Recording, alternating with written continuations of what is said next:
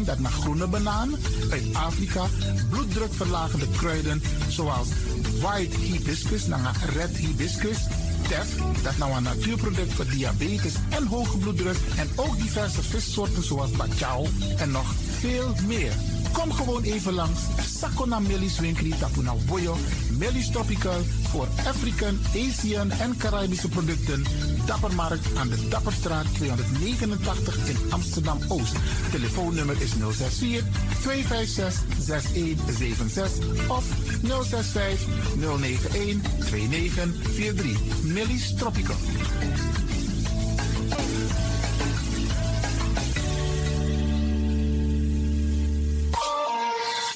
Dit is de Wouders van Amsterdam, Radio de Leon.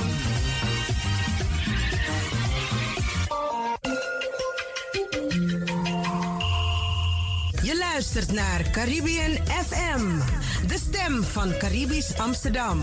Via kabel salto.nl en 107.9 FM in de ether.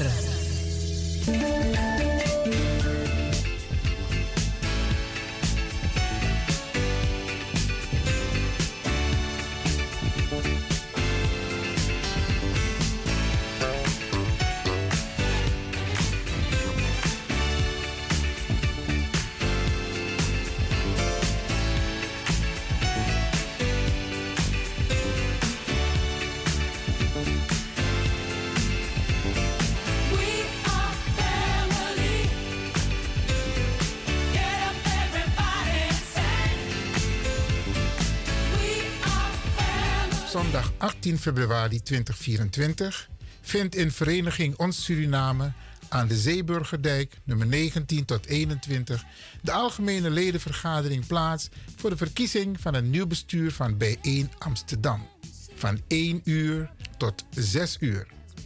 Alle leden van Bijeen Amsterdam worden opgeroepen om te komen meedenken, meestemmen en meebeslissen. Je bent lid? Oké, dan zien we je daar.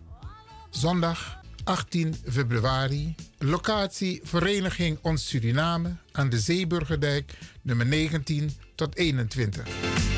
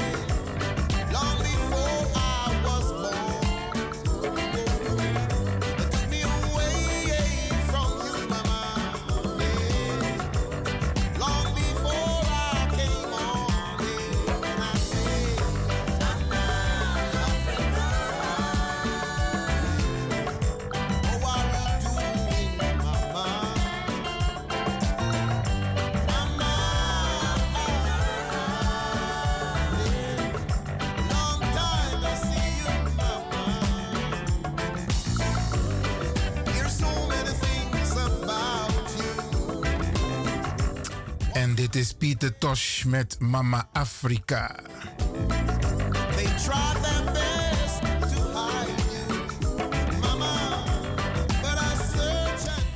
Wij gaan nu deelgenoot maken van informatie van afgelopen 19 december. Toen er in de Bali een bijeenkomst was naar aanleiding van een jaar na de komma. Patty Gomez, die heeft daar gesproken, een inleiding gehouden. En er waren nog overige panelleden. Luistert u mee, beste luisteraars.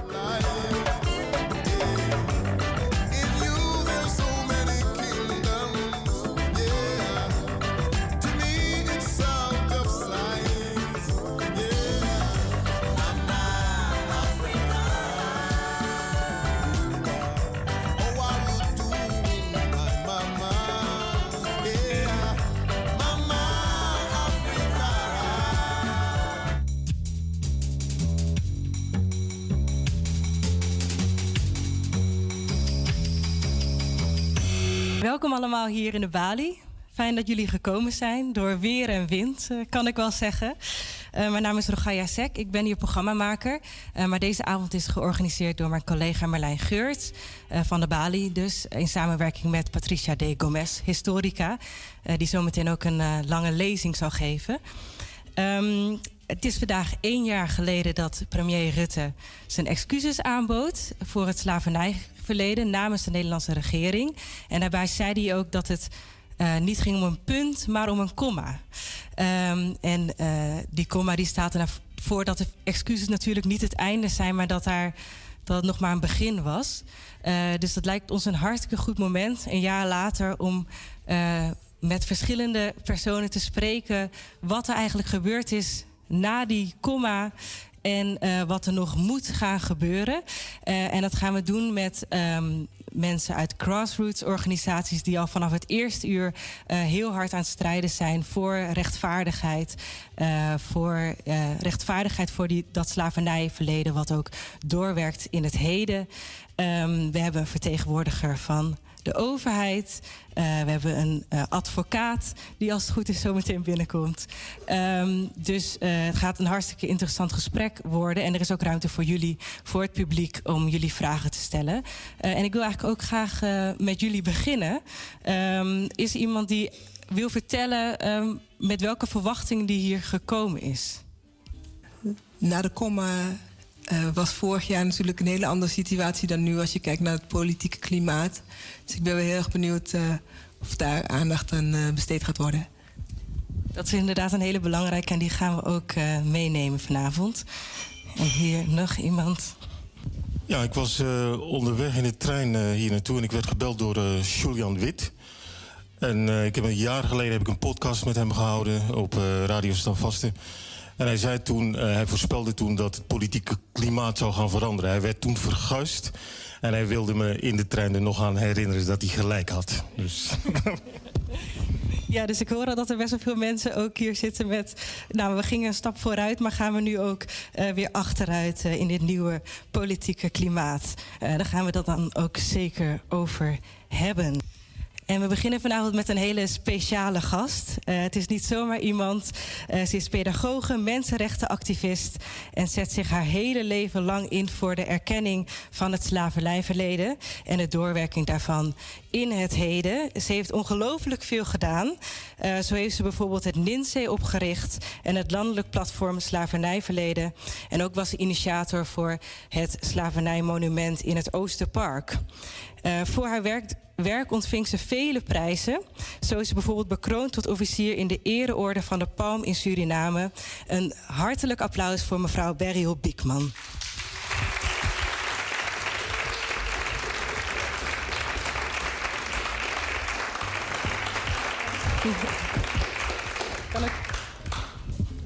Welkom, mevrouw Biekman. Um, toen een jaar geleden de excuses uh, kwamen, zag u dat toen ook als een erkenning van uw werk? Volgens mij ben ik helemaal dichtgeklapt, omdat de voorouders eigenlijk best jaloers zijn. De voorouders op wie schouders wij rusten. Daarna zou ik u willen vragen of we kunnen beginnen met één minuut stilte. Zodat uh, ze ons hier kunnen omringen, zodat ik kan spreken. Dat lijkt me een heel goed idee. Gaat u het inluiden? Ik heb mijn wekker gezet. Dank u wel. Ja, en ik weet zeker dat ze nu hier zijn. en dat ik nu mag spreken. Uw vraag. Mijn vraag was of u het ook zag als een erkenning van uw werk, die excuses. Erkenning van mijn werk, uh, erkenning van het, van het werk van uh, velen die uh, ook betrokken zijn bij het landelijk platform Slavernijverleden. Ik zie een aantal hier in de zaal, bijvoorbeeld Prada Kaikusi. en ik zie ook Patricia Gomez. En eigenlijk ook onze coach, mentor, als ik haar zo mag noemen. En uh, hartelijk dank dat ik er mag zijn. Ja, of ik het uh, zag, uh, of het de erkenning is van mijn werk. Dat wil zeggen, een deel. Want we praten over, als we het hebben over excuses, dan praten we over excuses in de context van reparatory justice. Het is een onderdeel daarvan. En ik weet nog dat we tijdens de vooraankondigingen dat het zou komen, dat we hebben geprobeerd om uh, minister-president Rutte tot één keer te, aan te sturen. Dat was vorig jaar? Dat was vorig jaar, omdat we vonden dat uh, excuses zoiets is, vooral als het gaat om de tekst, dat je dat doet in samenspraak. We vinden we, vanuit het LPS, de gedachte van LPS, maar ik denk ook vanuit de gedachte van heel veel, uh, uh, laten we zeggen, tot slaaf, nazaten van de tot slaafgemaakte, dat het een, een, tweerichtingsverkeer is. Je biedt excuses aan en de ander aanvaardt het. En het mooie ervan is dat je de excuses doet in het kader van een. Ja, als ik heb over uh, uh, holistiek, holistiek concept. Dat je dat dan zo doet. En dat we met elkaar afspreken wat na die excuses zullen volgen. Maar in ieder geval, 1 juli vond ik geweldig. Omdat uh, toen de koning excuses aanbood.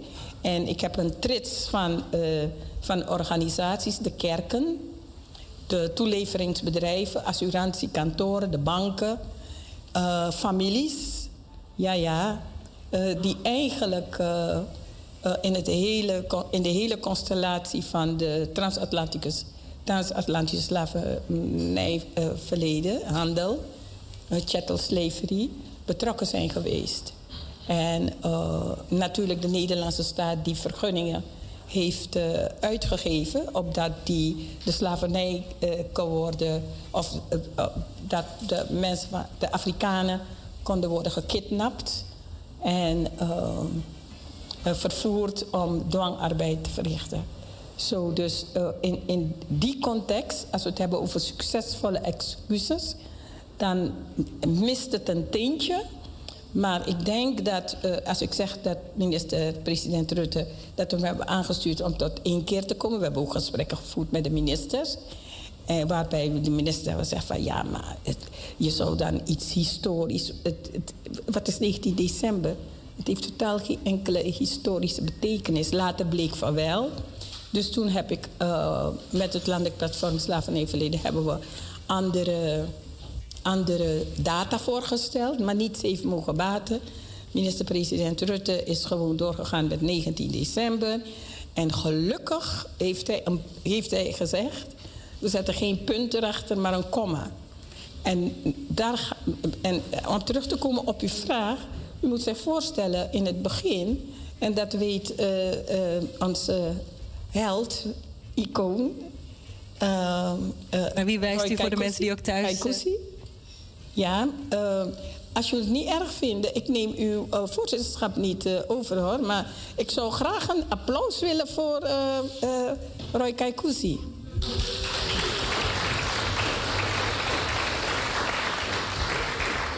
Echt wel. Toen hij hoorde over de verrichtingen van Sophie Dela in de tachtiger jaren, was hij de eerste die een brief stuurde om ons geluk te wensen. En dat was het moment dat we, weet je, zo'n empowering moment. Maar ik, is de vrouwenorganisatie die de vrouwenbeweging, ja.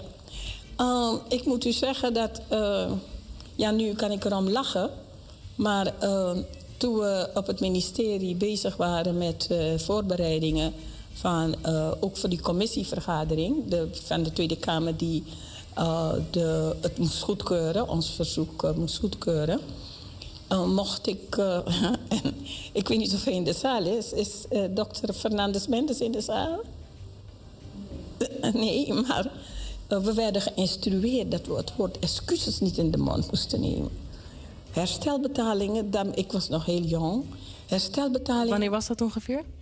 Nou, het was in 95, 99. Ik denk dat we dezelfde leeftijd hadden toen. En ik vond het vreemd, hè? Geen excuses. Dus uh, nee, uh, geen excuses. Zo had ik mijn eerste speech was in 1999 door een gezamenlijke bijeenkomst hadden, had ik per ongeluk had ik wel dat woord excuses uh, in mijn tekst aangehaald. Nou, dat werd eruit geschrapt. De tweede bijeenkomst was in 2000 in de Grote Kerk in, in Den Haag. Werd weer geschrapt. En de derde was in Rotterdam in de Koningskerk.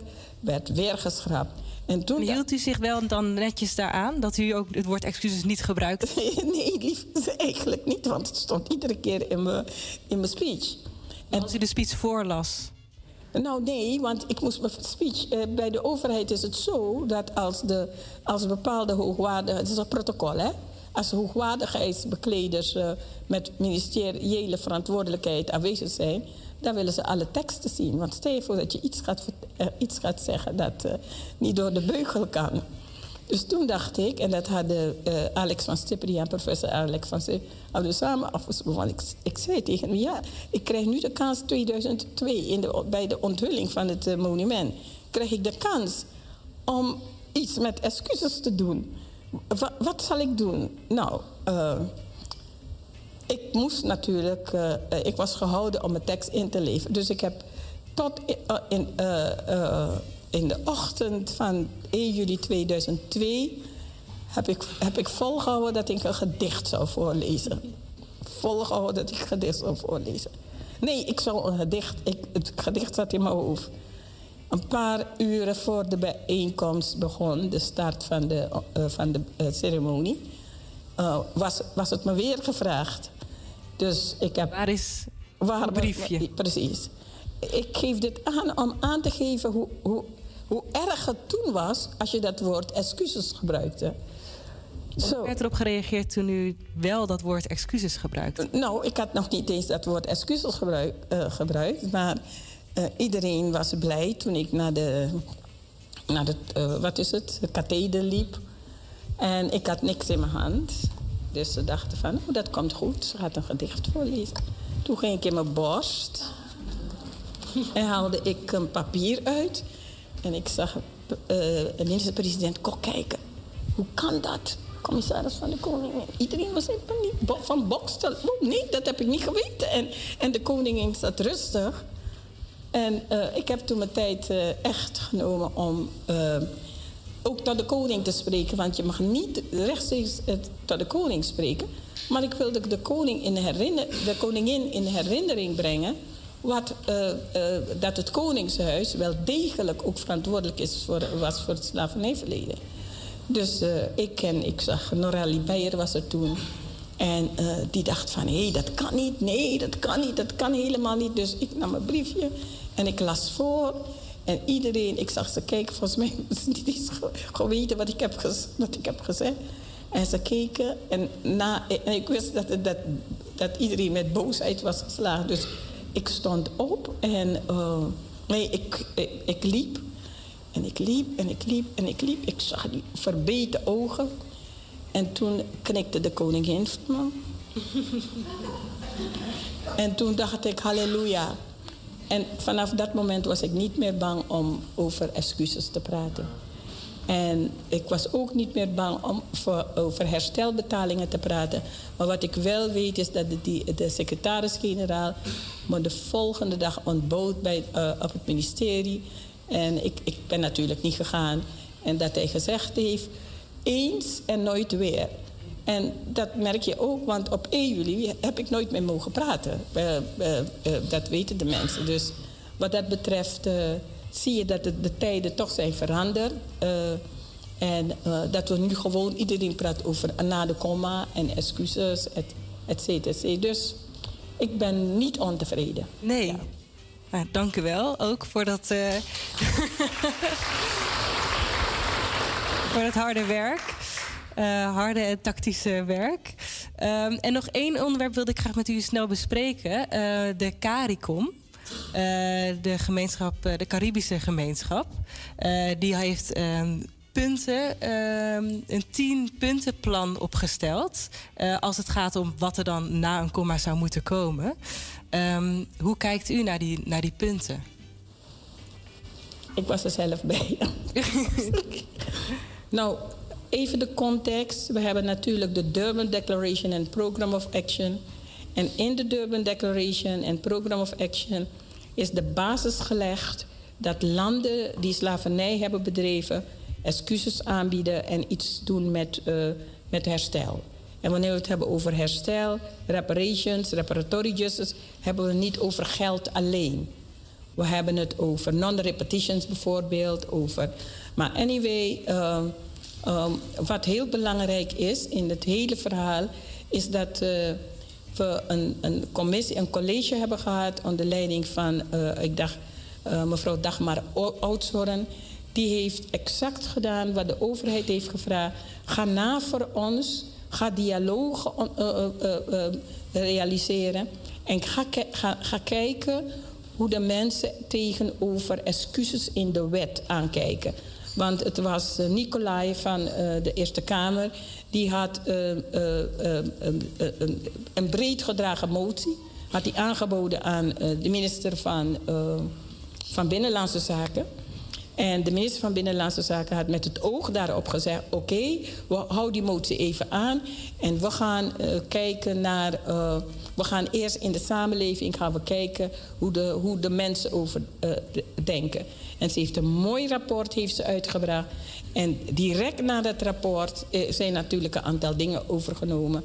Uh, die 200 miljoen is bijvoorbeeld, weet ik, natte vingerwerk geweest. Want ik heb, ik heb hier en daar gevraagd, ik heb zelf een brief geschreven naar de overheid. Hoe komen jullie tot 200 miljoen? Wat is dat bedrag eigenlijk? Nou blijkt inderdaad niet reparations te zijn, niet herstelbetalingen.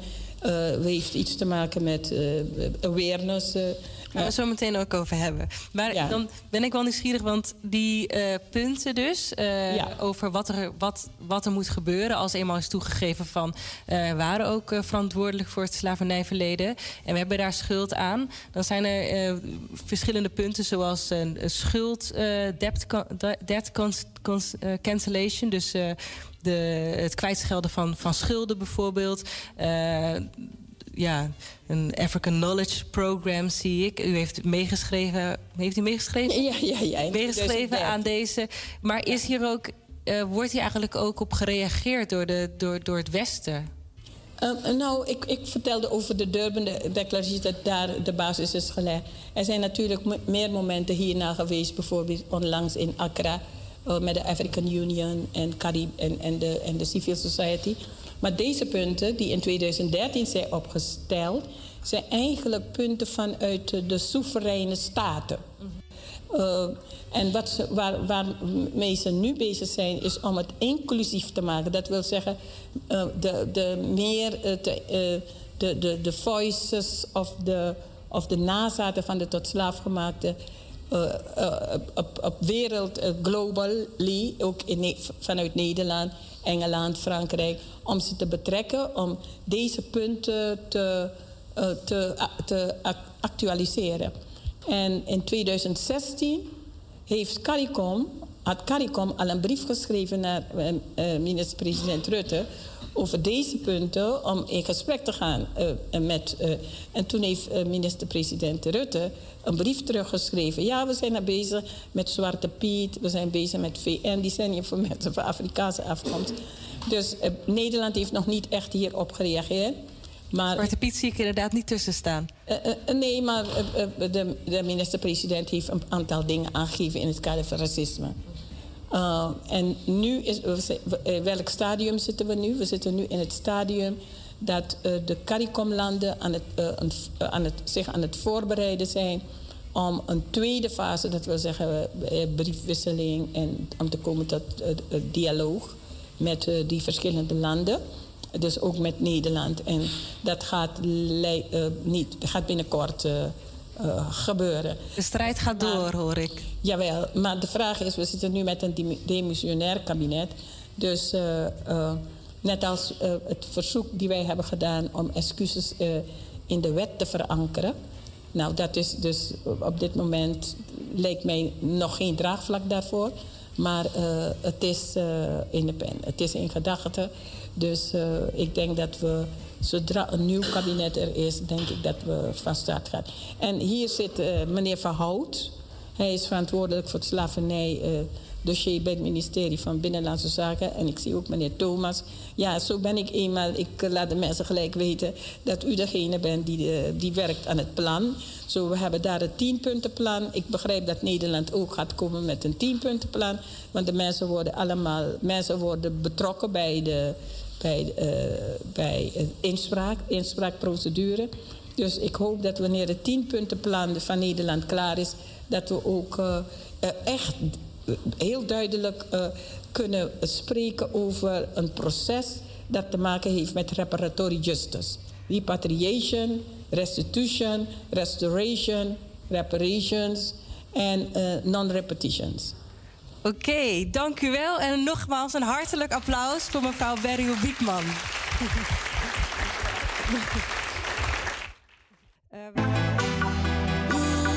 You sabi dat no no de je arki Radio de Leon. In vele artikelen en publiceerde vorig jaar het boek Denken over de transatlantische slavernij en racisme. En voor vanavond heeft ze deze lezing uh, voorbereid over de rechtsstatelijke betekenis van excuses. En het zou een wat langere lezing zijn waar we zo meteen dus met onze sprekers verder op ingaan. Beste lotgenoten en erfgenamen van de Nederlandse transatlantische slavernij. Zet uw schrap, want het wordt uh, een lange, taaie zit. Een beetje een theoretisch verhaal over het excuus. Want ik vind dat dat eigenlijk wel nodig is gezien de situatie nu. Dank je wel. Uh, in deze lezing ga ik het slavernij-excuus van premier Rutte voor u tegen het licht houden van de rechtsstaat. Om te laten zien wat eraan mankeert en hoe we het desondanks toch kunnen gebruiken om het na de komma een goede invulling te geven. Er is immers het afgelopen jaar niet genoeg gebeurd en we moeten ervoor zorgen niet opnieuw aan het kortste eind te trekken. Nu de rechtsextremistische Geert Wilders misschien onze nieuwe premier wordt. U weet dat hij de excuses maar niets vindt en dat hij twitterde: Ik bied excuus aan voor de excuses van premier Rutte. We kunnen misschien zelfs een nieuwe backlash verwachten. De eerste backlash begon in 2000 in de periode dat de overheid bezig was onze eisen om een slavernijmonument, een nationale herdenking en een eigen kennisinstituut, het NINSE, in te willigen. De aanzet tot die eerste backlash werd gegeven door Paul Scheffer. Ja, ik ga een beetje in op de geschiedenis ook. Ik ben historica. Met zijn artikel Het multiculturele drama door professor Piet Emmer met zijn geschiedenisboek De Nederlandse slavenhandel, waarin hij de slavernij en racisme bagatelliseerde. Door politici als Frits Bolkestein van de VVD en Pim Fortuyn, die niets moesten hebben van de migranten. En door de overheid, die zichzelf ook schuldig maakte aan racisme. Tweevoudig ex-minister Plasterk speelde ook een rol in die backlash. Als minister had hij in 2007 tijdens de slavernijherdenking in het Oosterpark ten overstaan van meer dan duizend mensen het NINSE bestaanszekerheid gegarandeerd en gezegd dat het NINSE verzekerd kon zijn van een jaarlijkse rijkssubsidie. Maar toen premier Rutte die subsidie vijf jaar later in 2012 ophief, en het NINSE naar de rechter stapte om dit ongedaan te laten maken, wilde hij niet als getuige optreden.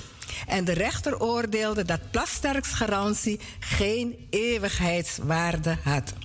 En nu deze ex-minister weer op het politieke toneel is verschenen als verkenner en informateur voor de rechtsextremistische Wilders, denk ik niet dat de invulling van het na de komma veel zal voorstellen als wij niet ingrijpen.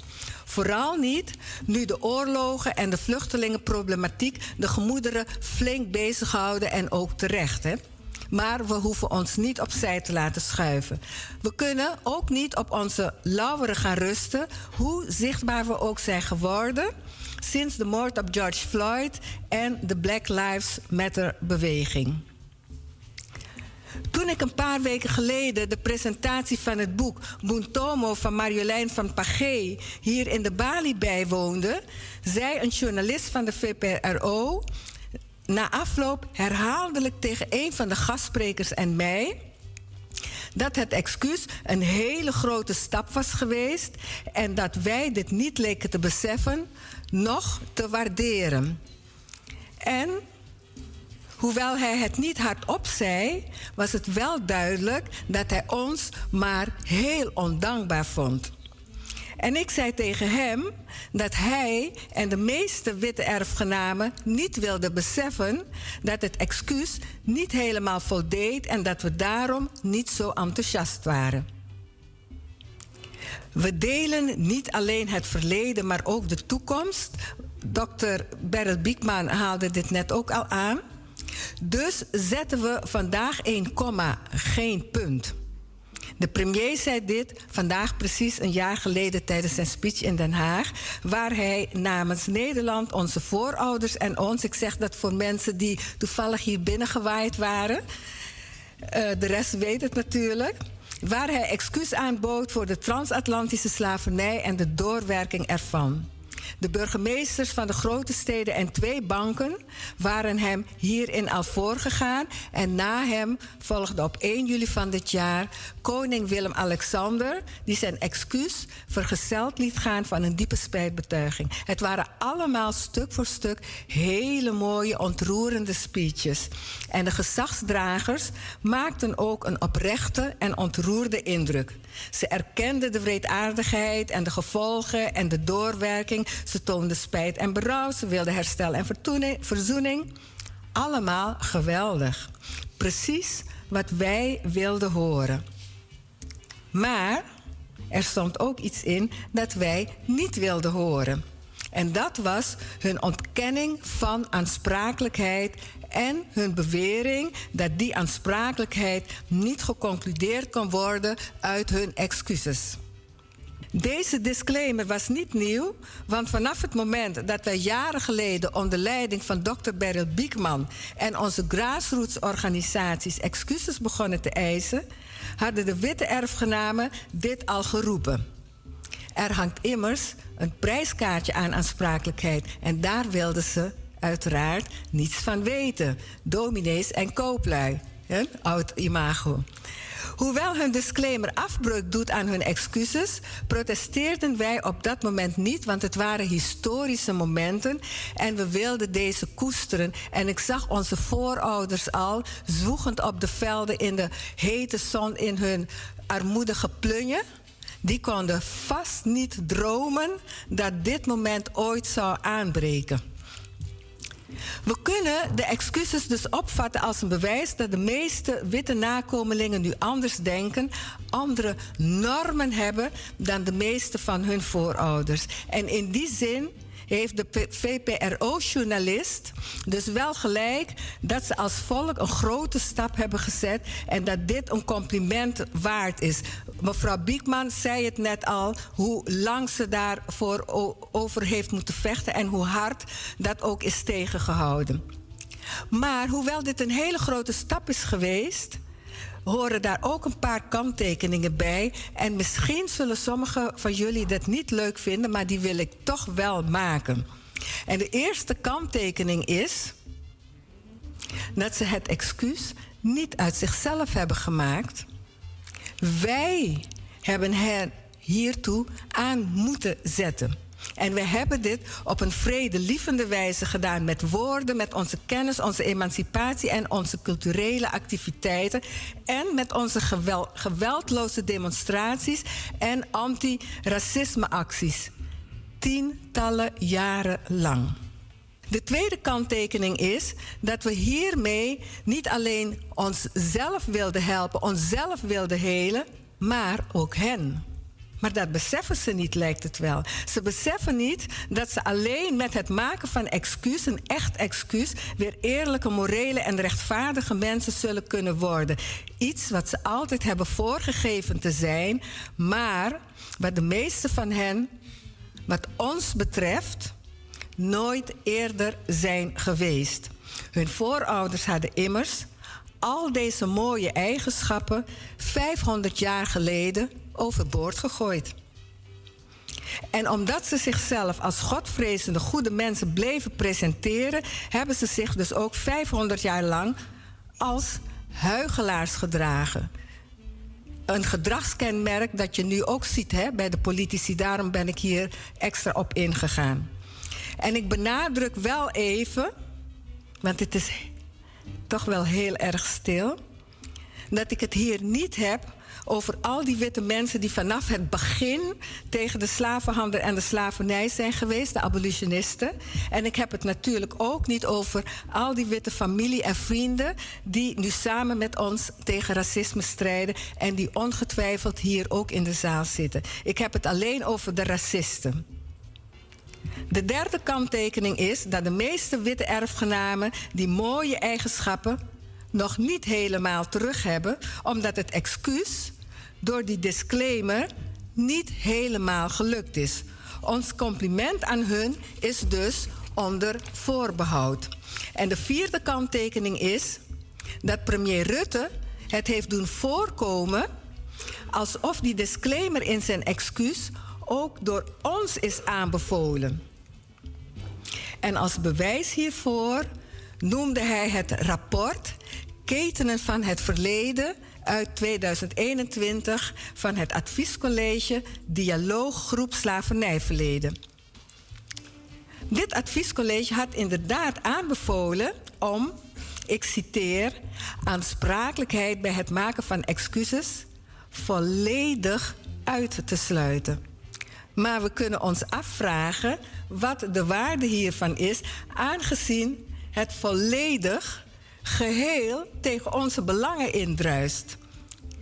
Dit adviescollege was door minister Ollongren van Binnenlandse Zaken en Koninkrijksrelaties ingesteld en had als opdracht om de overheid te adviseren over erkenning, excuses en herstel. So far, so good.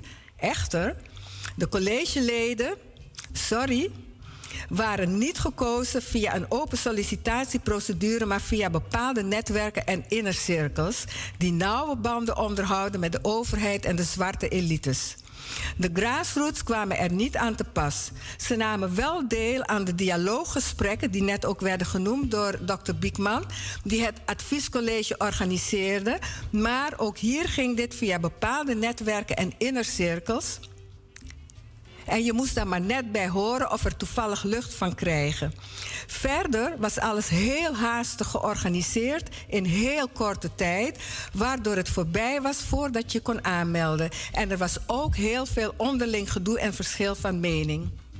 En als klap op de vuurpijl werd het uiteindelijke rapport niet door het adviescollege geschreven, maar door een witte organisatie, het Asser Instituut, een internationaal instituut op het gebied van internationale en Europese wetgeving. Vanwege onze jarenlange eisen en deze opmerkelijke gang van zaken kunnen wij stellen, stel ik in ieder geval, dat de aanbeveling van dit adviescollege meer iets was wat de overheid wilde dan wat wij wilden. En ik vind dan ook dat dit adviescollege, voor zover het deze aanbeveling betreft, heeft meegeholpen onze belangen te verkwanselen. En ik vind dat premier Rutte het niet kan gebruiken als legitimatie voor de disclaimer in zijn excuus. Er zijn nog meer redenen om die disclaimer in het excuus te verwerpen. Dus ik hoop dat u het nog volhoudt. En die liggen in de aard en de betekenis van het excuus. Het excuus bestaat uit twee componenten waaraan moet worden voldaan voordat het waarde heeft en voordat het kan worden geaccepteerd door het slachtoffer. Deze twee componenten zijn onderling verbonden. De eerste bestaat uit woorden. En deze woorden vormen een symbolische afsluiting van iets akeligs.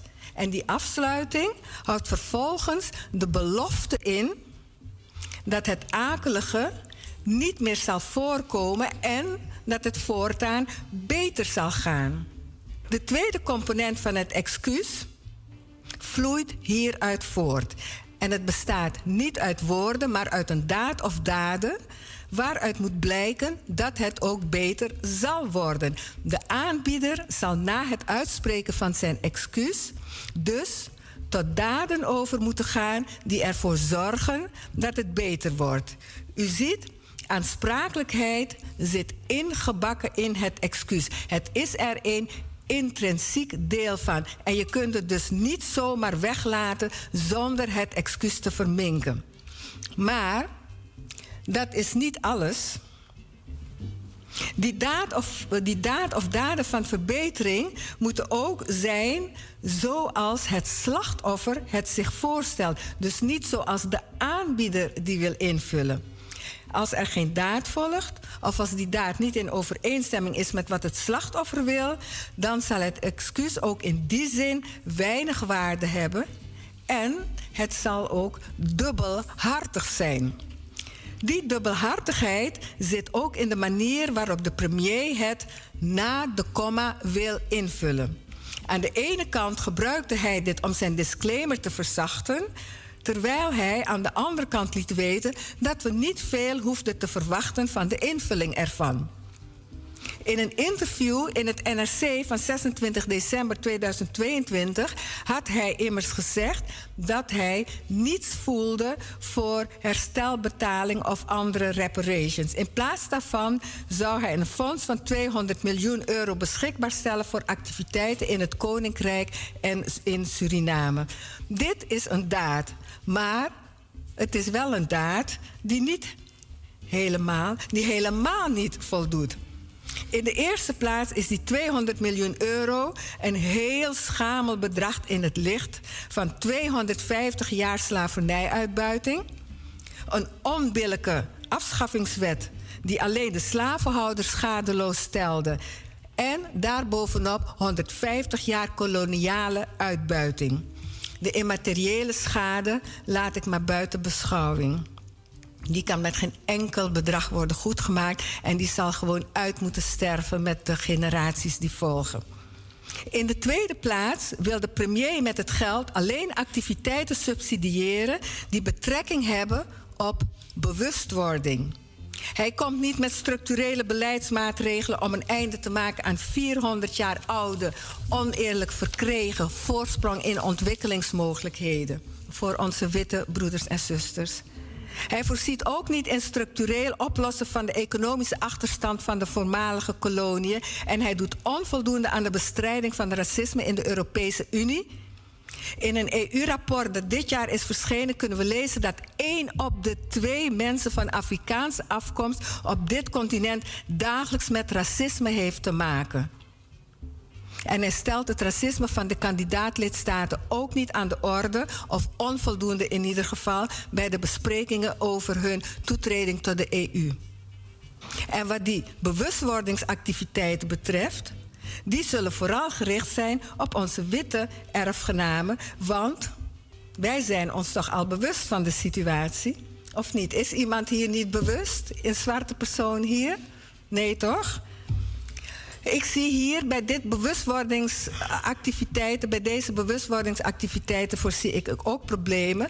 Want we weten dat witte mensen helemaal niet geneigd zijn iets van een zwarte persoon aan te nemen. U herinnert zich misschien dat Zwarte Piet pas nationaal op de agenda kwam toen de witte Sunny Bergman er een overigens prachtige documentaire over maakte. En het tweede probleem is dat de meeste opdrachten en subsidies vooral naar de witte erfgenamen en de witte instellingen zullen gaan. Zo gaat dat immers altijd. Voor ons nu maar liever nog steeds niet door ons. Maar ondanks het feit dat het excuus niet voldoet, vanwege die disclaimer en die ontoereikende daad, kunnen we het toch gebruiken om een rechtvaardige invulling van het na de komma af te dwingen.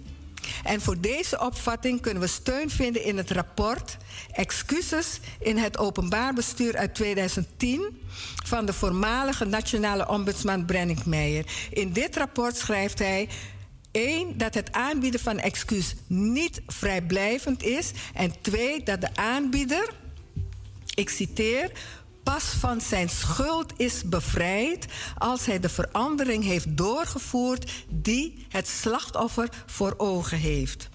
En in de weblog van het College voor de Rechten van de Mens van 12 december 2022 staat onder meer dat de overheid zich grote financiële inspanningen zal moeten getroosten om onze maatschappelijke kansen en mogelijkheden te verbeteren. We kunnen dus voor het afwijzen van de disclaimer en het afdwingen van een goede invulling van het na ook naar beide rapporten verwijzen. Dus niet alleen naar het excuus zelf, maar ook naar die rapporten. En we kunnen ook juridische argumenten gebruiken om die disclaimer af te wijzen. En dat halen we uit verdere ontleding van het excuus. En ik ben benieuwd wat meester Spong hiervan zo meteen zal zeggen. Volgens de rechtsfilosoof professor Wouter Veraard van de Vrije Universiteit kan het uitsluiten van juridische aansprakelijkheid bij het maken van excuses leiden tot een gevoel van rechtsontkenning bij de gedupeerden. Rechtsontkenning. Hij schrijft dit in zijn artikel Excuses uit het Hart uit 2022. En hij legt uit dat wij burgers met rechten zijn. Rechtssubjecten, zoals hij dat noemt. En hij zegt dat de disclaimer ons het recht eigenlijk ontzegt ons recht te halen. Maar sinds de overheid met haar excuus heeft erkend dat zij onze voorouders onrecht heeft aangedaan, dat ze in het verleden een misdaad heeft gepleegd en gefaciliteerd, moet zij dit onrecht ongedaan maken of vergoeden. Dit is de juridische consequentie als je misdaad erkent. Je kunt de aansprakelijkheid juridisch dus niet zomaar even in een excuus afwijzen. In zijn artikel schrijft professor Veraard verder dat er ook bij onze voorouders sprake was van rechtsontkenning. En het verschil tussen hen en ons is dat zij dingen waren, beesten zonder rechten. Maar wij zijn rechtssubjecten en we maken hetzelfde mee met rechtsontkenning. Sommige dingen veranderen toch niet echt. Overigens, houdt u nog even vol. Overigens kunnen wij stellen dat de rechteloosheid van onze voorouders achteraf is bijgesteld door de Verenigde Naties tijdens de conferentie van Durban in 2001, die net werd genoemd. Toen verklaarde de VN de transatlantische slavernij tot een misdaad tot de menselijkheid. En hiermee zijn onze voorouders achteraf als mensen met rechten erkend alle lidstaten hebben deze verklaring geratificeerd, ook Nederland. Deze verklaring... Dit is dus uh, mevrouw dokter Patty Gomez, die een lezing heeft gehouden in de Bali op 19 december. Een jaar nadat premier Rutte excuses heeft aangeboden en ze analyseert de, uh, de speech van de uh, minister-president. En ze geeft ook aan Um, maar we gaan het zo meteen verder laten afdraaien, beste mensen. Dus u blijft afgestemd. Dan gaan we verder met het onderdeel van um, de lezing in de Bali van mevrouw Petty Gomez op, even kijken, 19 december vorig jaar.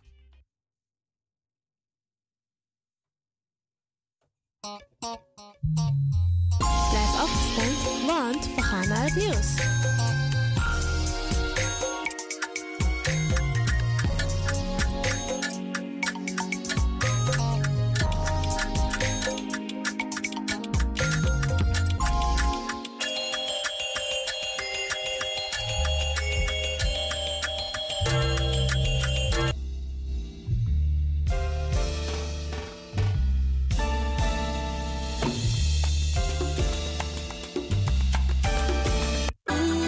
Dat no no de je arki Radio de Leon.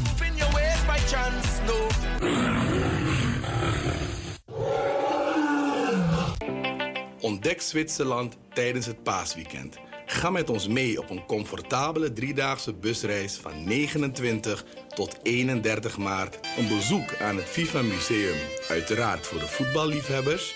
Een citytour in Zurich, dat is de hoofdstad van de financiële wereld. Erkenning van de adembenemende Rijnwaterval, de grootste waterval in Europa. Prijs is vanaf 365 euro per persoon op basis van een driepersoonskamer. Boek vandaag nog Citra te bereiken op 06 41 61 2903. Wilfred 06 87 64 29 90. Bekijk ons op Facebook. Nationaal Suriname Voetbalmuseum. Aanmelding uiterlijk tot en met 31 januari 2024. En u maakt kans een unieke FIFA WK trofee te winnen. The Soul Jazz Lounge is back. En op 10 februari is all about Louis Armstrong en Ella Fitzgerald. Samen met het Ernesto Montenegro Quintet, all the way from Gran Canaria, zullen wij jullie een Night to Remember bezorgen. Wil je erbij zijn? Koop dan jouw tickets op de website van het Belmer Parktheater. www.belmerparktheater.nl En check us out op al onze socials. It's the Soul Jazz Lounge.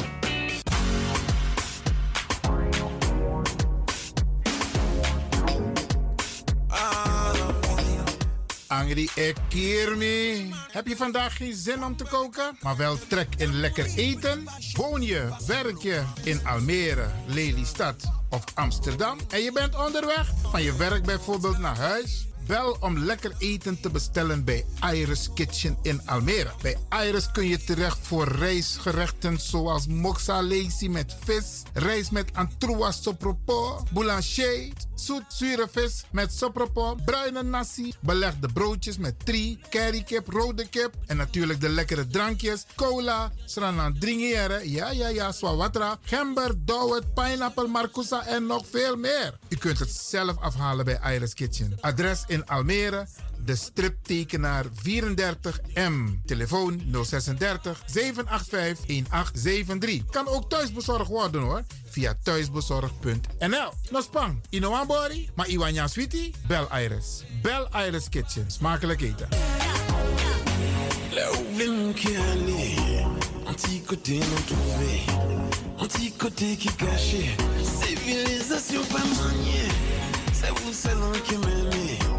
La pou moun pa e ka pouve Mwen pe fer dekouve An ki zon la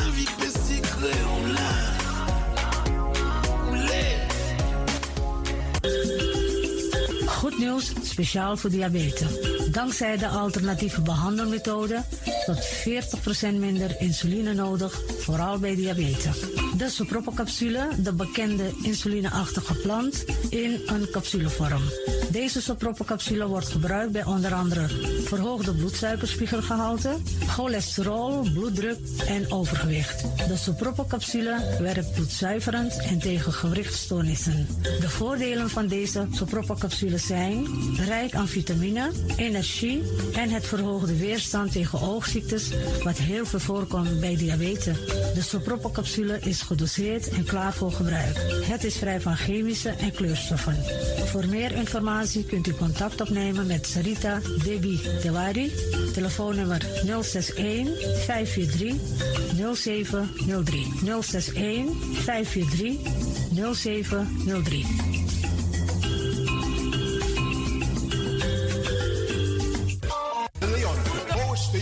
Amsterdam. Right now, I'm feeling like a lion. Tego na dapper strati, a voyo, bij Moesop Sana Melis Winkri. Dapper you alles aan sa van nodu. De volgende producten kunt u bij Melis kopen. Surinaamse, Aziatische en Afrikaanse kruiden. Accolade, Florida water, rooswater, diverse Assange smaken. Afrikaanse kalebassen, bobolo, dat na brood, groenten uit Afrika en Suriname, verse zuurzak, yamsi, Afrikaanse gember, Chinese taier, wekarin kokoyam van Afrika, kokoskronten uit Ghana, ampeng, dat naar groene banaan, uit Afrika, bloeddrukverlagende kruiden zoals white hibiscus, naar red hibiscus, tef, dat nou een natuurproduct voor diabetes en hoge bloeddruk en ook diverse vissoorten zoals bachao en nog veel meer. Kom gewoon even langs Sakona Melis Winkri Tapuna Boyo, Melis Tropical voor African, Asian en Caribische producten. Dappermarkt aan de Dapperstraat 289 in Amsterdam Oost. Telefoonnummer is 064 256 6176 of 065 091 2943. Melis Tropical.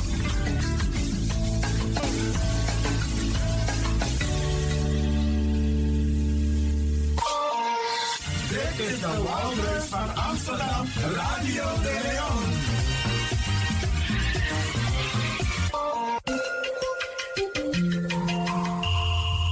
Je luistert naar Caribbean FM, de stem van Caribisch Amsterdam. Via kabel salto.nl en 107.9 FM in de ether.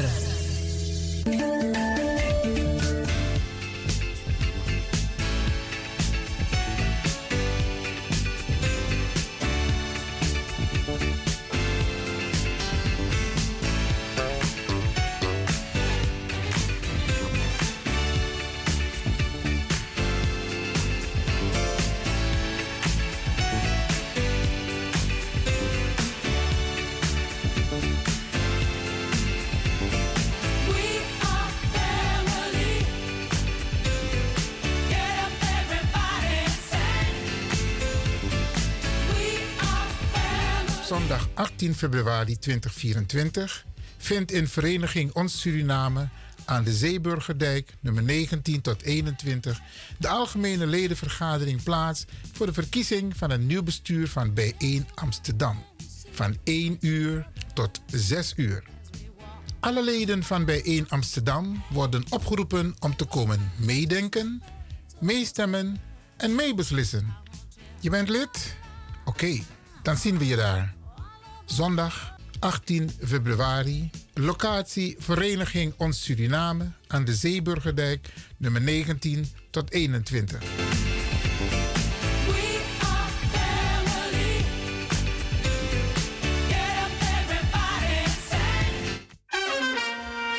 Nina Erna, Agnes de Lesle, mi e Archie, Radio de Leon, Ala Freda, Jasona Bekoisi, en um Archie toe.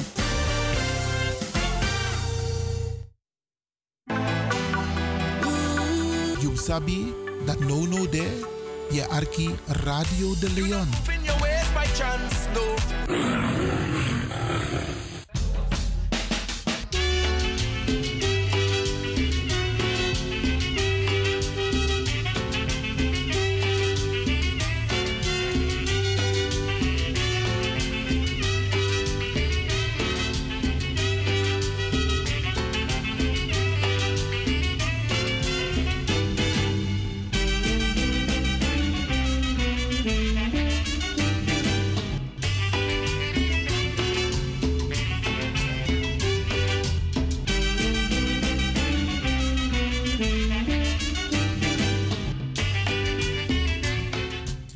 Wij pakken de draad op, beste mensen. Daarnet in het vorig uur heeft u kunnen luisteren naar een, een deel van de inleiding van Betty Gomez ehm, in de Bali. U heeft ook mevrouw Dr. Berry Biekman gehoord. Dit programma bestaat uit eh, twee delen. En we proberen zoveel mogelijk u deelgenoot te maken. Want ja, niet iedereen kan naar de Bali en niet iedereen is geweest.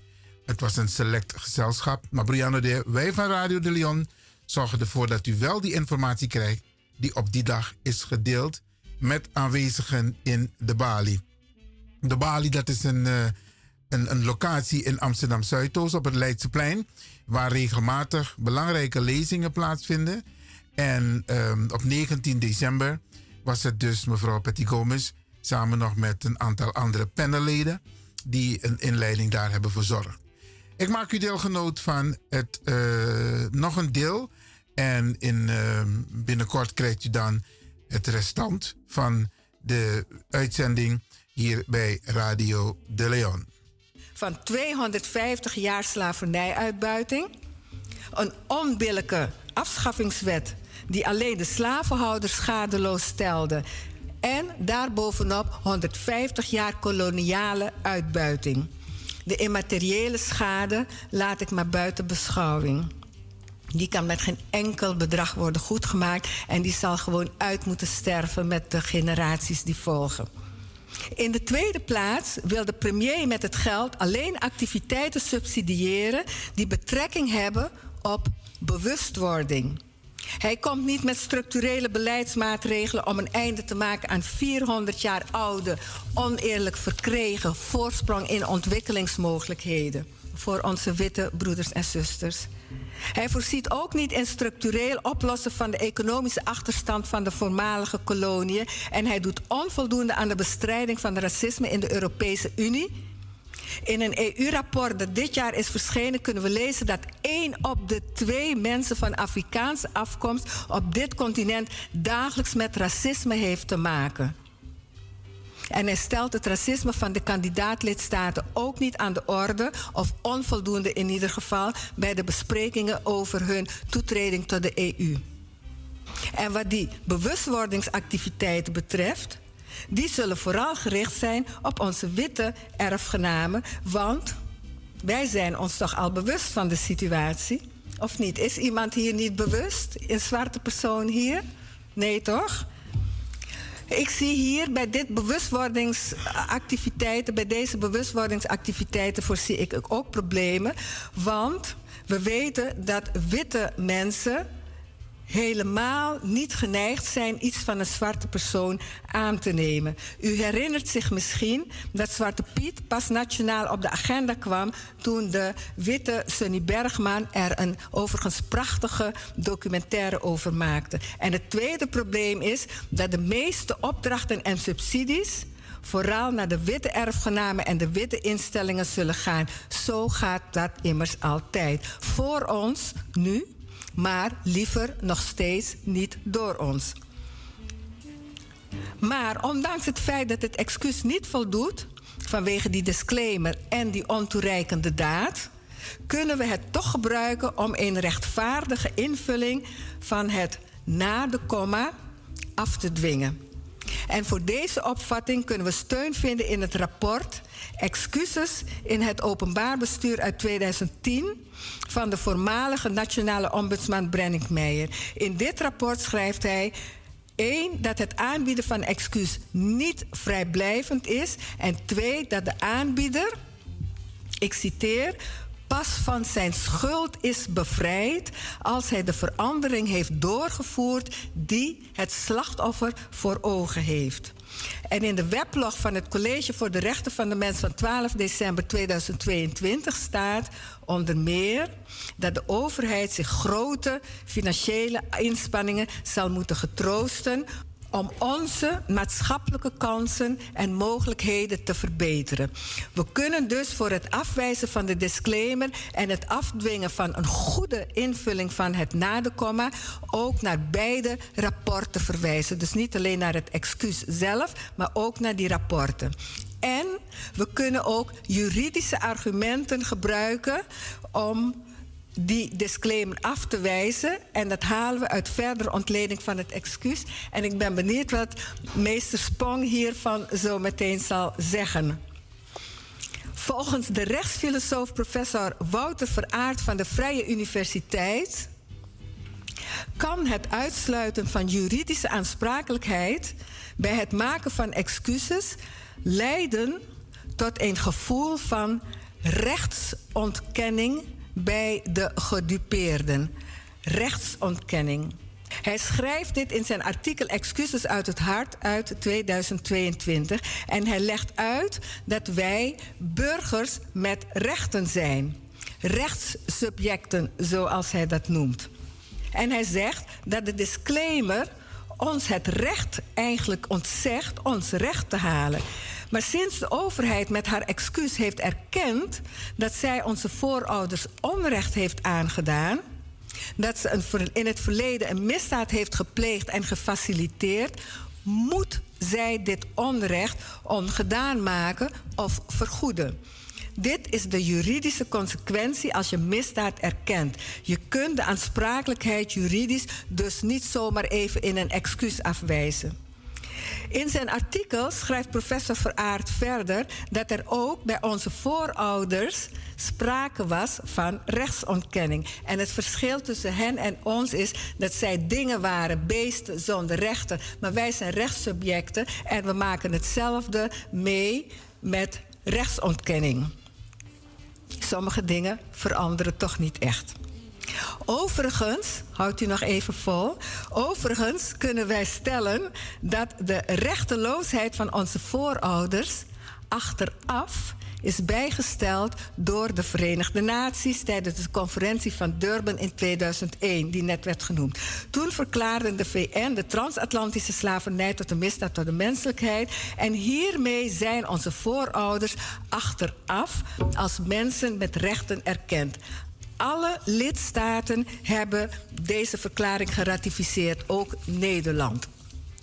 Deze verklaring van de VN heeft consequenties op het niveau van de nationale identiteitsvorming, op juridisch niveau en op economisch niveau. Vandaar dat de westerse landen lange tijd hebben gedaan alsof het een anachronisme was.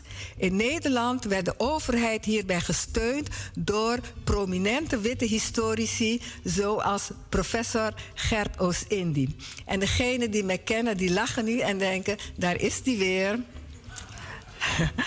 Deze historicus beweerde twintig jaar lang dat we de slavernij geen misdaad konden noemen, omdat het in de wetten van die tijd was vastgelegd en omdat tijdgenoten het toen ook niet als een misdaad zagen.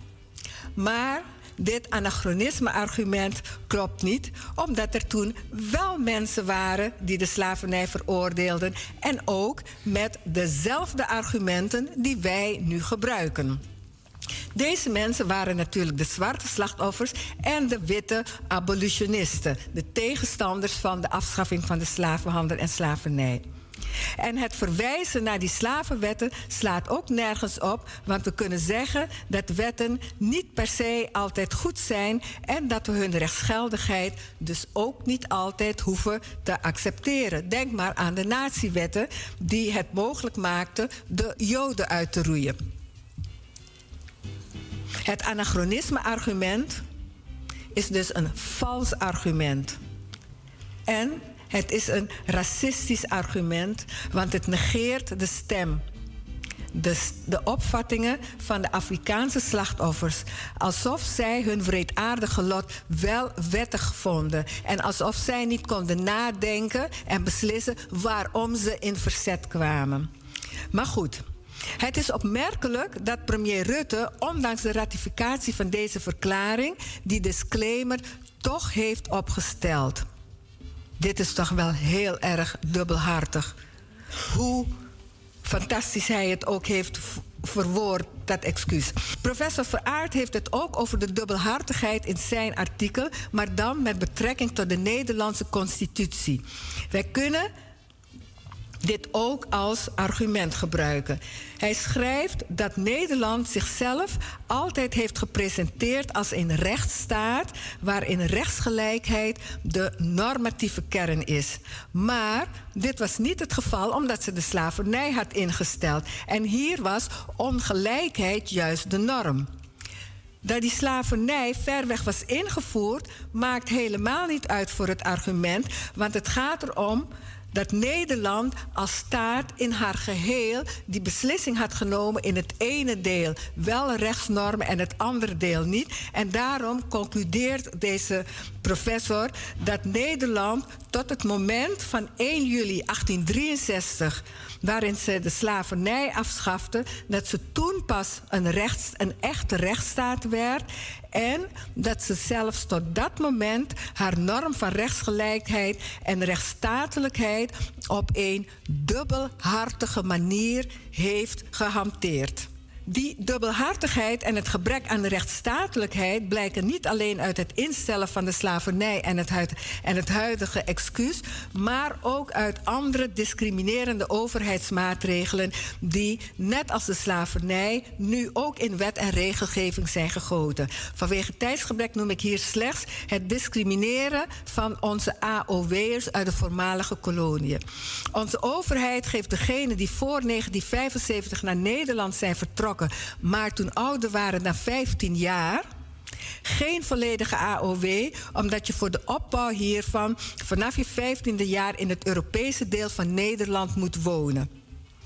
Maar wij hebben al sinds 1893 het volledige wettige Nederlanderschap gekregen. En we hebben tot 1975, we zijn tot 1975 deel van het Koninkrijk geweest. Er is hier met die AOW-beslissing gewoon ook sprake van racistische discriminatie. En terug naar die disclaimer kwestie. Een ander punt is hier dat een misdaad tegen de menselijkheid volgens het internationaal recht nooit kan verjaren. Dus de transatlantische slavernij kan ook niet verjaren. Premier Rutte kan dan ook geen, geen, aansprakelijkheid afwijzen voor een misdaad die niet kan verjaren. Ik wil graag straks iets over horen van u.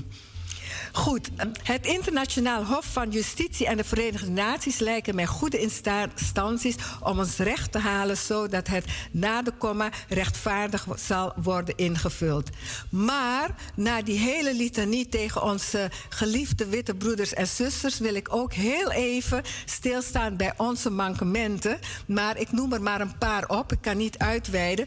Wij, wij moeten de geschiedenis niet verkeerd weergeven. Wij moeten niet met twee maten meten. Bijvoorbeeld door de zwarte slavenhoudster Elisabeth Samson op te hemelen en als rolmodel te beschouwen, zoals Sintje McCloyd wil.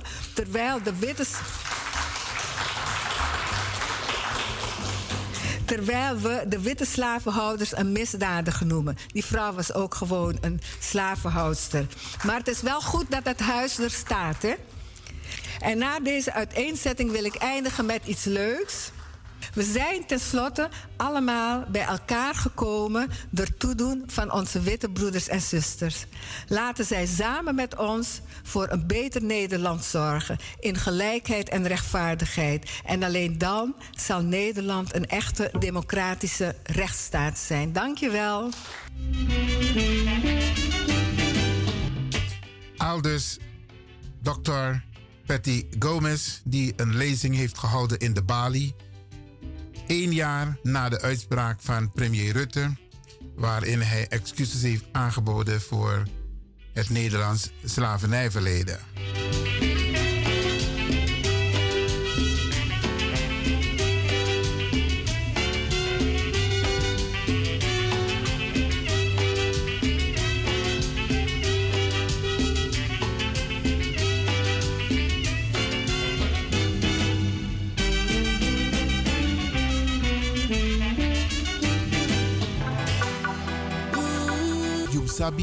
Dat no no there, je arki Radio de Leon.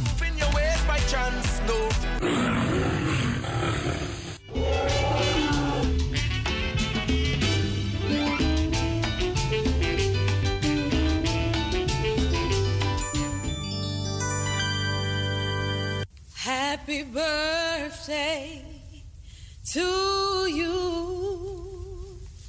Happy birthday to you. Happy birthday to you.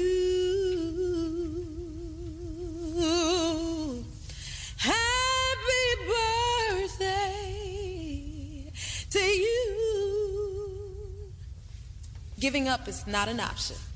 Happy birthday. Hey, Steph. We did it. Yeah, happy. Adi. Eupia. Adi. Taya koti. If you want dance one poco, Isabi, moet je doen naar you day. En daarom feliciteer ik u. En de mensen om de jarigen heen.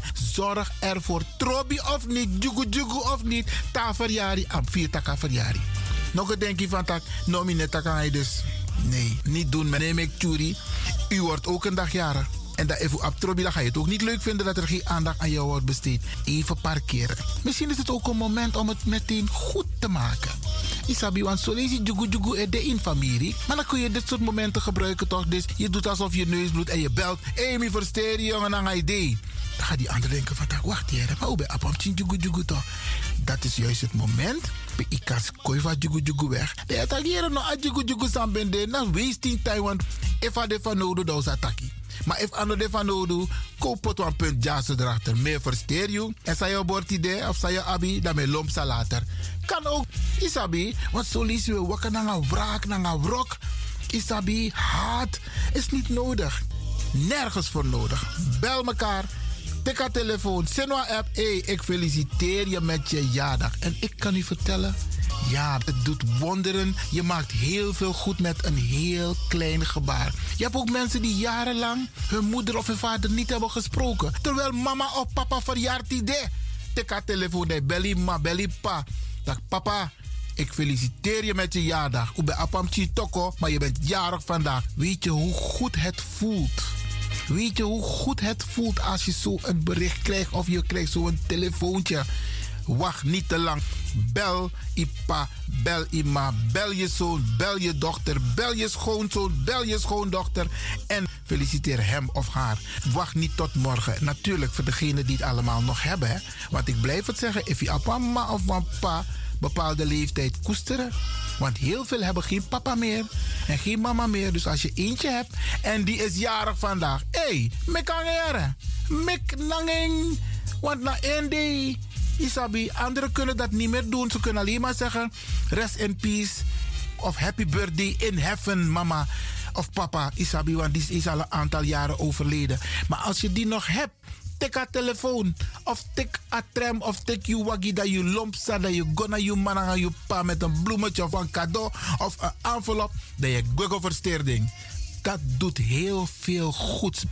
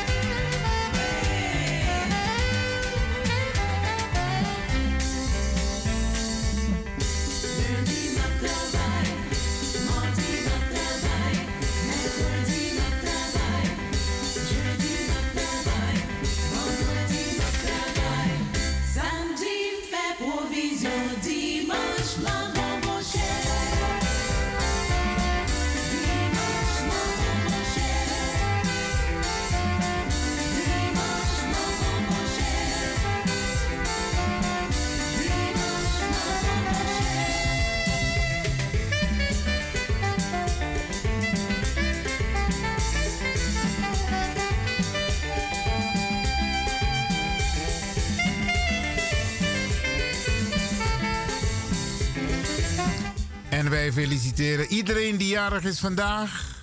De afgelopen dagen en de komende dagen, vooral dit weekend, zijn er weer een aantal mensen jarig. En het team van Radio de Leon feliciteert iedereen die jarig is, jarig zal zijn, maar ook jarig is geweest. Van harte, van harte gefeliciteerd.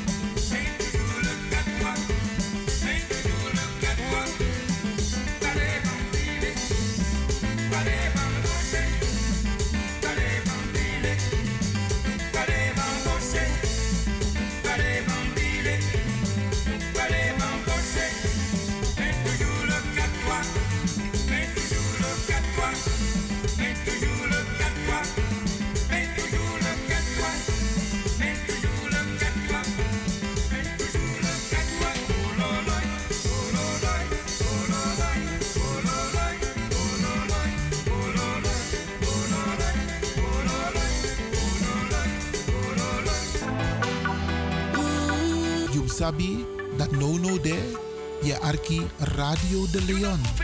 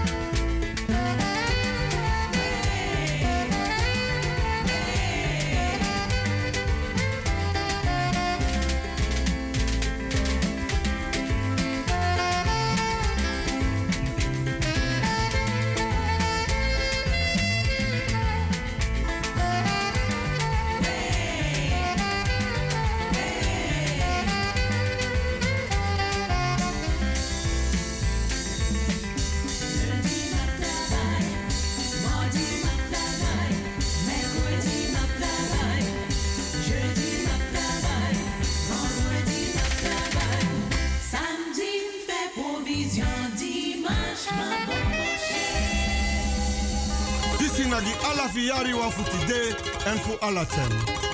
One nation again. Kaba Santa ye ye de wa ilon to grow tape. Santa ye ye de wa ilon to grow tapo. If I wire open wire below, Beja pasa you also too. Santa ye ye de wa ilon to grow tapo. Santa ye ye de wa ilon to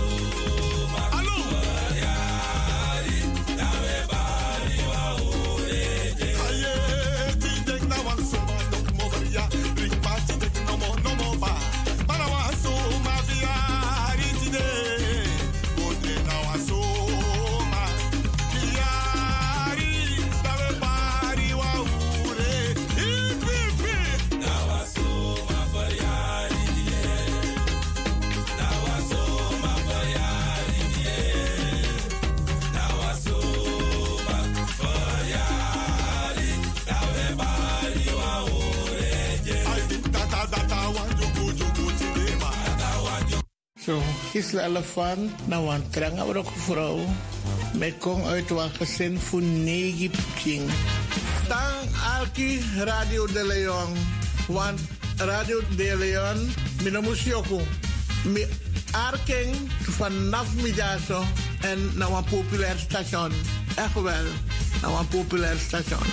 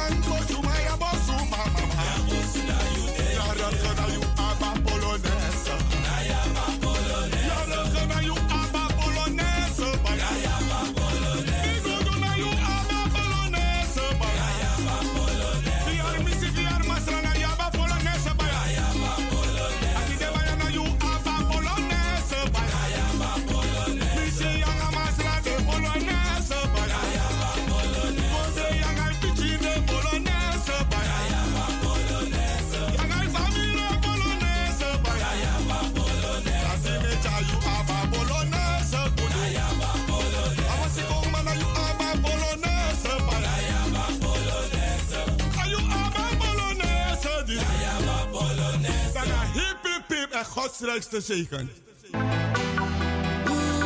You sabi dat no no de je arki Radio de Leon.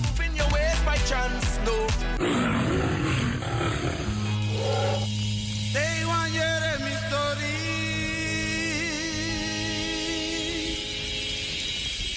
Time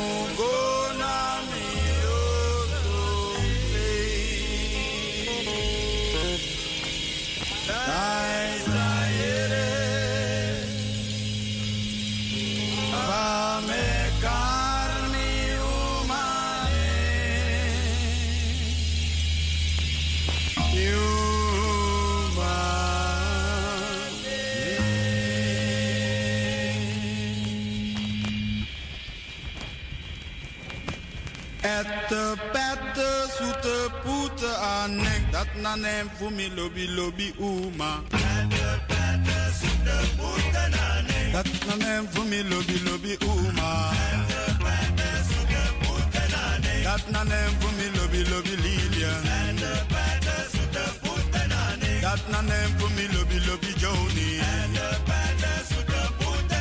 Dat nanem voor me lobby lobby Ernie dat na nem from the lobi, lobi, dancer. And the better to the put and on de At the better to put about. The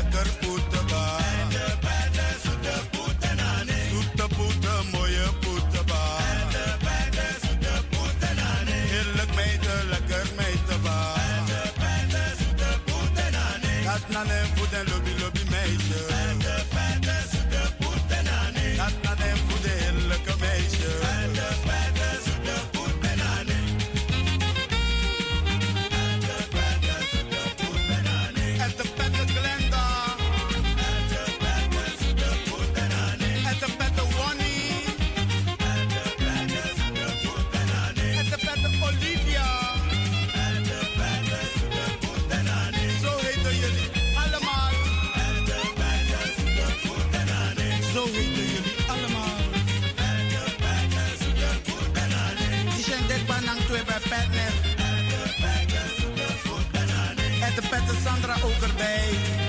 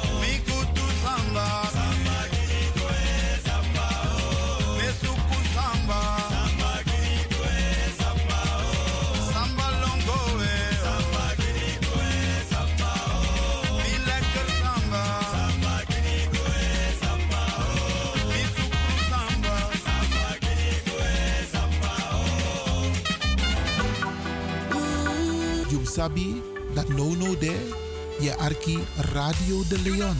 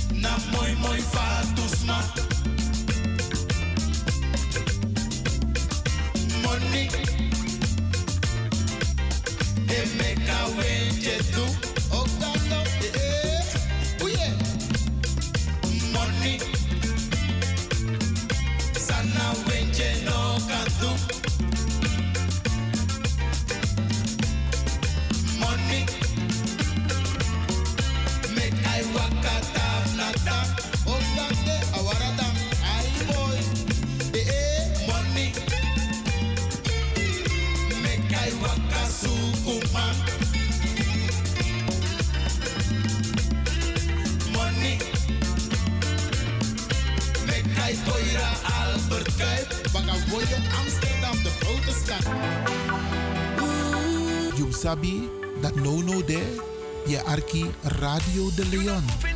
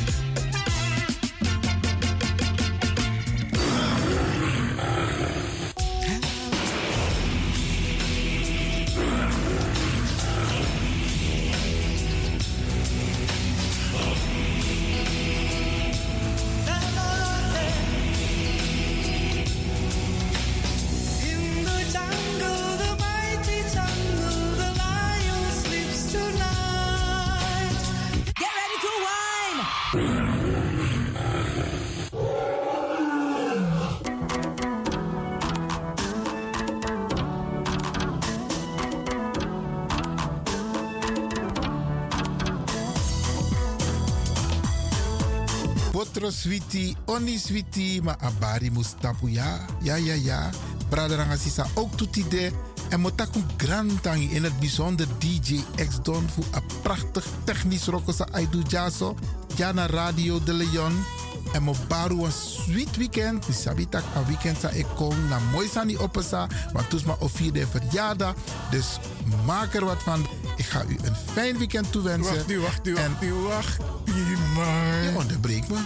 Ja, je tak zo voeren in takitanta odi. Ja, maar Chayara. Abo tante Eileen, nanga tante Sylvie, met baru een sweet odi en me wisu ook toe een sweet weekend. En natuurlijk met bar alles masa e arki, alla brada nanga sisa. Maar gezond en gezellig en een mooi weekend. En maak er het beste van. Iedereen tevreden nou, DJ X Don? Asari, Asari. Jere, jere, Hai, jere. Baya. Abo, Luisteraars, hm, blijf afgestemd voor de volgende aanbieder. Maar voordat ik wegga, dag Tante Lena, dag Oom Sjors. Tem tegi alas malubuno. Maar goed, DJ X-Don is going home. kurumamwe takauraya kusvika pachobheki apa hanzi watochona kani osta varona ndiwe vakaona bongo mafini kuti kuti aite ready for them bongo ready for them. Ready for them bongo ready for them. Downtown massive are you ready? Yeah oh lord. Downtown massive are you ready? Yeah. Fantastic